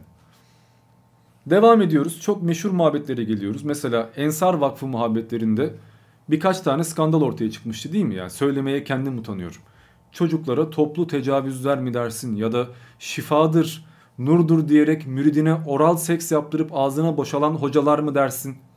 Nur çeşmesinden bol bol döken hocalar yani. Hepsi dinden ekmek yemiyor mu? Böyle bir zihniyetin beslediği bazı adamların önderliğinde ve desteğinde kurulan kurumlarda da elbette suistimaller olacak. Bazıları din adına zulüm yapacak, bazıları da cahilliğinden veya hasta ruhlu olduğundan problem çıkaracak. Mesela geçenlerde daha Antalya'da Kepez'de bir olay yaşandı. Üzerine hemen yayın yasağı geldiği için açık açık söyleyemeyeceğim. Cemaat yurdunda kalan bir öğrenci katledildi. Neymiş? Yemekhanede çalışan bir görevli o an cinnet geçirmiş, şizofrenmiş ve o esnada çocuğu deccal zannetmiş. Çocuğun kafasını satırla kesip gövdesinin üstüne bırakıp elinde satırla deccali vurdum diye bağırmaya başlamış. E, iyi de bu adamın o yurtta ne işi var kardeşim? Yani eğer gerçekten akıl hastasıysa niye aldınız yani? Eğer akıl hastası değilse üstünü örtmeye çalışıyorsanız o zaman hangi motivasyonla Deccal'i vurduğunu söylüyor. Problem orada yatıyor çünkü. Deccal diye bir şeye inanmış ve şizofrenken Deccal'i gördüğünü zannediyor. Deccal zaten dini bir figür değil mi yani? Ki ülkemizde aman akşam şuraya çıkma, gece tuvalette şunu yapma diye cin korkusuyla büyütülen kocaman bir nesil yok mu? Ben çocukken lan uyandığımda tuvalete gitmeye korkardım. Karanlık ya. Koşardım tuvalete doğru. Işığı kapattıktan sonra da dönerken altıma ederdim yani neredeyse. Bizi böyle hikayelerle büyütmüşler. Cin, şeytan, deccal, ifrit. Musallat olur, evlenir ya da işte insanların içine girer. Deccal insan gibi görünür. Abi yani öyle. Bir ateist deccali vurdum diye adam kesmez yani. İşin kötü yanı ne biliyor musun? Bak sen evladını okula gönderiyorsun, okusun diye, büyüsün diye bir emek veriyorsun. Orada gönderdiğin cemaat yurdunda çocuğunu öldürüyorlar, kafasını kesiyorlar ve işin kötü yanı hala aile cemaati savunmaya, yurdu korumaya devam ediyor. Biz şikayetçi değiliz, onlar çok iyi insanlar diyor. Yine başka bir örnek vereyim mesela.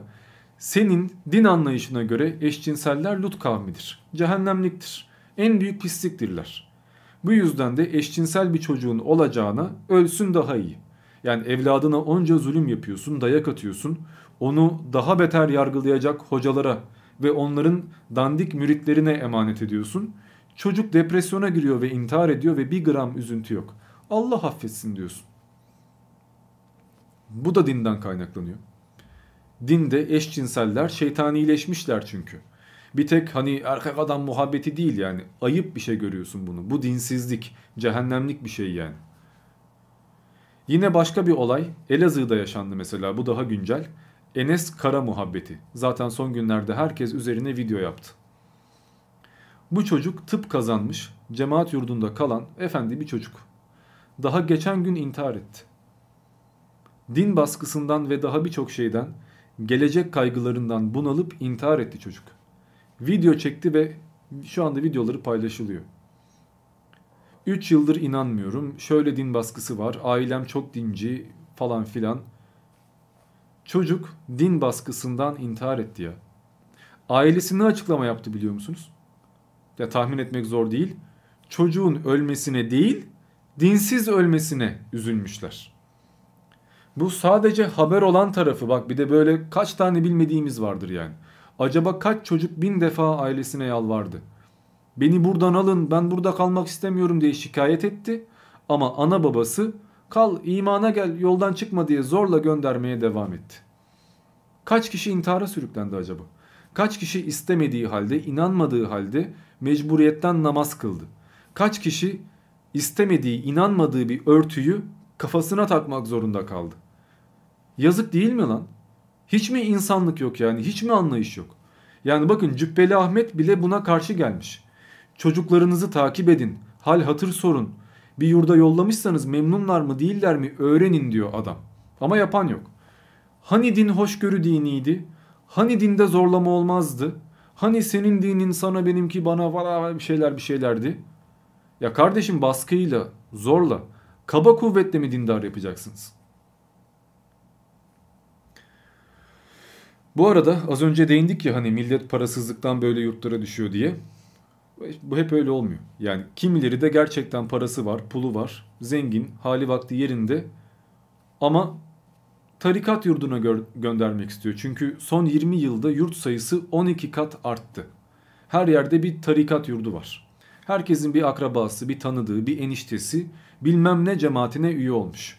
Bu cemaatlerde bir takım etkinlikler yapılır, para yardımları yapılır, bayramlarda bir takım bağışlar yapılır vesaire. Yani bir tarikata üye olmak veya bazı gençlik kollarına katılmak size havadan para getirir arkadaşlar. İş bulurlar, okul bulurlar. Dindar geçin, tarikata bağlan her şey rahattır. Bu yüzden de birçok aile hem inandığından hem de menfaat amacıyla evladını tarikat yurtlarına gönderir. Mesela Enes Kara muhabbetinde durum böyle. Yani babasının açıklamasına baktığımızda adam durumumuz iyi öyle gönderdim diyor. Hatta bunu da göndereceğim bir dakika. Kaynakça şöyle.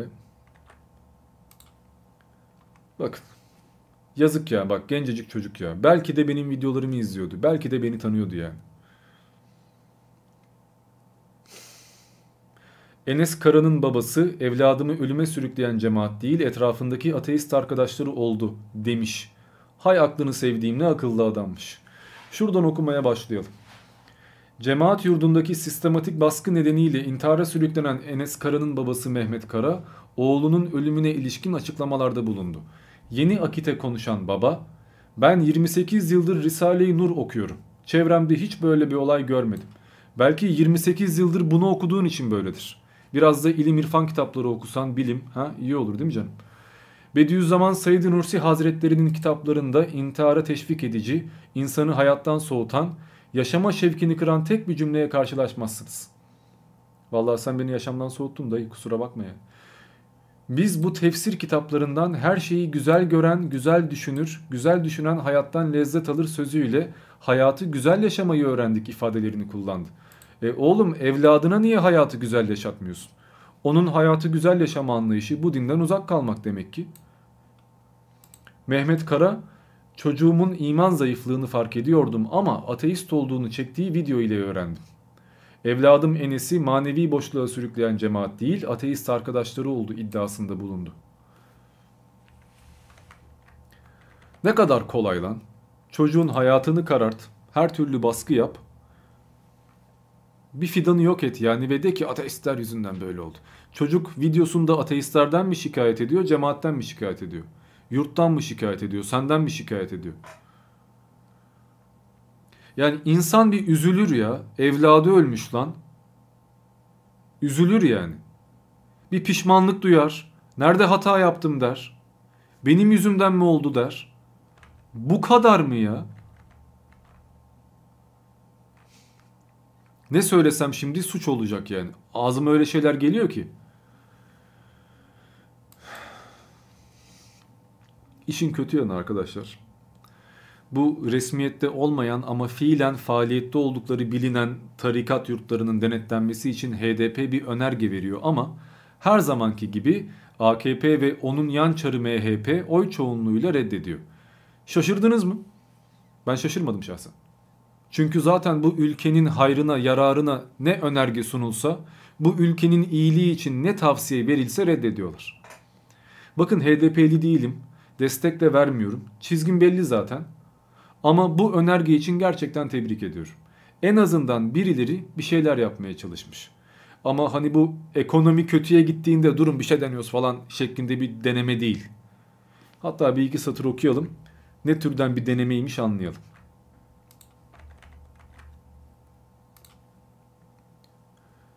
Duvarda okuyorum. HDP'nin tarikat yurtları araştırılsın önergesi AK Parti ve MHP oylarıyla reddedildi.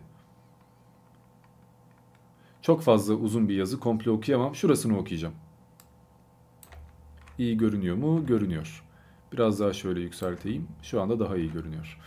CHP Grup Başkan Vekili Engin Altay ise AK Parti'nin ışık evlerinden hiç ders almadığını görüyor. Bu meclisi bombalayanlar ışık evlerinde yetişti arkadaşlar. Işık evlerinde yetişti. Sayın Özkan dün bir açıklama yapmış. Diyor ki 3-5 çocuk bir araya gelmiş ev tutmuşlar. Öyle olmadığını eminim Sayın Özkan da biliyor. Ben evvelsi gün basın toplantısında valilere ve kaymakamlara seslendim. Kaçak yurtlara göz yuman vali ve kaymakamlar vebal altındadır dedim. Özel yurt var, vakıf yurdu var, cemaat yurdu var, kaçak yurt var. Hücre evi gibi, örgüt evi gibi 5-6 öğrencinin barındırıldığı yurtlar var. Özel, vakıf, cemaat, resmi yurtlar mutlaka denetlenmeli. Kaçak yurtlar da derhal kapatılmalı. Bugüne kadar bu yurtlarda tacizi gördük, sessiz kalındı. Tecavüzü gördük, te sessiz kalındı. İhmal kaynaklı yangında ölen kızlarımızı gördük, sessiz kalındı. Cinayeti gördük, sessiz kalındı. İntihara da sessiz kalamaz devlet. Kaçak yurt var, taciz, tecavüz, cinayet, intihar var. Olmayan tek şey devlet. Devlet görevini yapmıyorsa buna müdahale edecek olan da millet adına Türkiye Büyük Millet Meclisi'dir. Güzel konuşuyorsun da dayı yani. Keşke yapsalar. Keşke yani. Adam gayet güzel bir şekilde olayı anlatmış. Bakın baştan beri konuştuğumuz şeyler ve konuşmadığımız daha bir ton şey var. Yani kadınlara tecavüz, çoluk çocuğa cinsel istismar, müritlere taciz ve daha birçok şey. Bütün bunlar dindar olmakla övünen cemaatlerde gerçekleşiyor. Laik Türkiye'de İslam'ı eleştirememek. Bakın patlayan bir video. Geçenlerde yaptığım bir canlı yayın. Orada bunlardan bahsettim zaten. Bir daha söylüyorum. Bu ülkenin problemi ateistler değil. Bu ülkede İslam'a zarar veren birileri varsa eğer bunlar dinsizler değiller. Bunlar dincilerin kendileri. Bu ülkede eğer din darbe aldıysa bu darbeyi Atatürk vurmadı arkadaşlar. Bu ülkede eğer insanlar dinden çıkıyorsa gençler İslam'dan soğuyorsa bunun sorumlusu ben veya başka bir non-teist değil. Sizsiniz lan. Hükümetin din politikası, imam hatiplerdeki eğitim, cemaat yurtlarındaki baskılar bunlar. Bu ülkede eğer din anlaşılamadıysa bunun tek sebebi 100 tane cemaat olması, 100 tane tarikat olması. Ilımlı İslamcısı ayrı konuşuyor, radikal İslamcısı ayrı konuşuyor. Bilimsel İslamcısı ayrı konuşuyor. Bir tek Kur'an yeter diyenleri ayrı konuşuyor. Hadis olmadan İslam olmaz diyenleri ayrı konuşuyor. Nurcusu ayrı, Nakşibendisi ayrı. Var oğlu var. İslam camiası kendi içinde bir bütünlük sağlayamamış. Problem bu. Ve bunun faturası bizlere kesiliyor. Olay bundan ibaret. Ve bir ateistin en ufak bir hatası olsa hemen haber olur Herkes bunu kullanır. Bir dilin sürçer hata yaparsın anında yalancı derler, uydurmacı derler. Bir ateistin bir ahlaksızlığı görülse anında yani ne ateisti hatta. Atatürkçü birisi herhangi bir hata yapsa anında elden ele gezer bu. Benim yarın bir ayıbım ortaya çıksın mesela. Anında linç, gözden düşerim. Ama iş dindarlara geldiğinde bir cemaatte, bir tarikatta bir suç işlendiğinde anında yayın yasağı geliyor. Kimse konuşamıyor. 46 çocuğa cinsel istismar yapılan Ensar Vakfı'nda da böyle olmuştu. 9 kadına tecavüz edildiği zaman da böyle olmuştu. Bitlis'te, Karaman'da, Adıyaman'da onca olay yaşandı ama hepsinde bir yayın yasağı geldi. Antalya'da millet kafa kesiyor, yayın yasağı geliyor. Ne acayip değil mi? Halbuki o zihniyeti yasaklamak lazım. O zihniyet hakkında konuşmayı değil, o zihniyetin kendisini engellemek lazım. Lan problem bu suçun işlenmesi mi yoksa ifşa edilmesi mi? İşleyenlerde problem yok, işlenmesinde problem yok. Konuşunca problem var. Bugün halkı bilinçlendirmek yerine olayın üstünü örtenler ve gerçek anlamda eğitim vermek yerine milletin beynini yıkayanlar asıl problem bunlar. Ve bu işte parmağı olan herkes bütün bu intiharlardan, cinayetlerden, tecavüzlerden sorumlu. Enes Kara'nın kanı sizin elinize bulaştı. Sözümü üstüne alınan o gruplardan bahsediyorum. Kim üstüne alınıyorsa. Özellikle bir parti veya isim vermiyorum.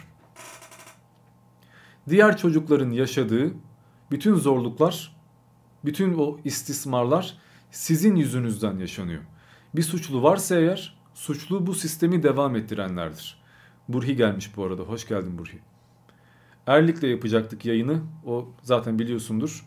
Ertelendi. Ben de tek açayım bari dedim. Bayağı bir şey kaçırdın ama. Bakalım burada davalık bir şey çıkar mı incelersen artık yayından sonra. Bir ara müsait olduğunda bakarsan eğer sevinirim. Özetle. Bugün birini eğer yargılayacaksak, suçlayacaksak evladını zorla tarikat yurduna gönderenleri, çocuğu istemediği halde ona din eğitimi verenleri ve onu din baskısıyla hayattan soğutanları suçlamak lazım. Problem onlarda. Aman ahireti kurtarak aman cehenneme gitmeyek korkusuyla bu dünyayı cehennem yapıyorlar ve kimse bir şey yapamıyor. Bu insanlar yargılanmalılar. Ki bir gün yargılanacaklar muhtemelen. Hükümet değişir, iktidar değişir, bir şeyler olur. Ki temelde iyi bir niyet var aslında bakın yani bir podcast'imde anlatmıştım zaten. Bir düşündüğünüzde yani sonsuza kadar cehennemde yanmak gibi bir tehlike varken şuradaki 40-50 yıl kimsenin umrunda olmaz. Yani gerekiyorsa bu hayatı ona zindan edelim ama ahiretini kurtaralım. Mantık budur. Fakat herkes siz de aynı ahirete inanmak zorunda değil. Ayrıca siz kendinizden başka kimseyi kurtaramazsınız zaten. Hatta bu kafayla kendinizi bile kurtaramazsınız. Eğer bir Allah varsa ve gerçekten de adilse cehenneme önce sizi atması gerekiyor. Başka bir şey söylemeye bence gerek yok. Toparlayalım. Oldukça dikkatli konuşmaya çalıştım. Son derece sözlerimi seçmeye çalıştım. Herhangi bir şahsa özellikle hakaret etmedim. En azından öyle olduğunu umuyorum. İsim verip hiçbir şahsı özellikle hedef göstermedim veya halkı kin ve nefrete veya düşmanlığa itmedim.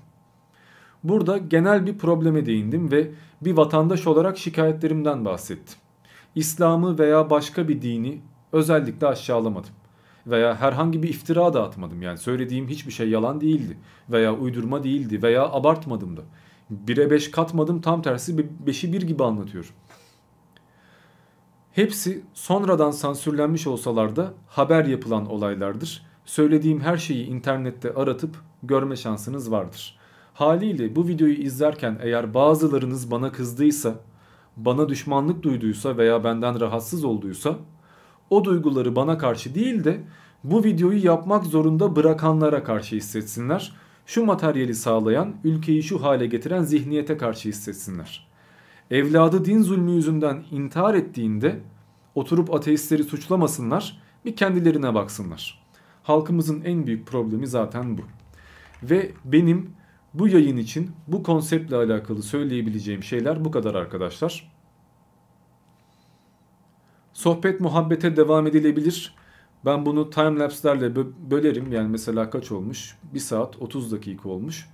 İlk bir buçuk saat şu şu konular. Ondan sonra sohbet muhabbet diye aşağıya yazarım. Böylece videoyu açanlar tıklayanlar da çok fazla zorlanmazlar.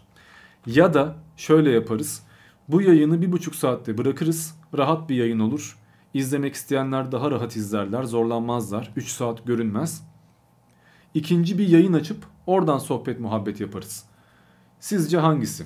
İkinci bir yayınla sohbet muhabbet mi yapalım yoksa buradan devam mı edelim? Söylenebilecek tonla şey var ama mevcut hükümet ve mevcut adalet sistemi varken bu kadar oluyor. Herkes ikinci yayın demişler. Herkes ikinci yayın demişler. Nasıl bir cümle hatası bu? Tamam arkadaşlar. 5 dakika içinde yeni bir yayın açacağım. Sohbet muhabbet olacak bu. O yayın bittiğinde bunu da herkese açık bir şekilde paylaşacağım. Kaçıranlar, izleyemeyenler tekrarını izlerler. Zaten ben Instagram'dan, Twitter'dan birçok yerden paylaşıyorum biliyorsunuz. Şimdi sohbet muhabbet yapmak isteyenler sıradaki yayını takip etsinler. 5 dakika içinde açıyorum. İzleyen herkese sonsuz teşekkürler. Üyelikler gelmiş, bağış yapanlar olmuş. Eyvallah. Kendinize iyi bakın. Sıradaki yayında görüşmek üzere.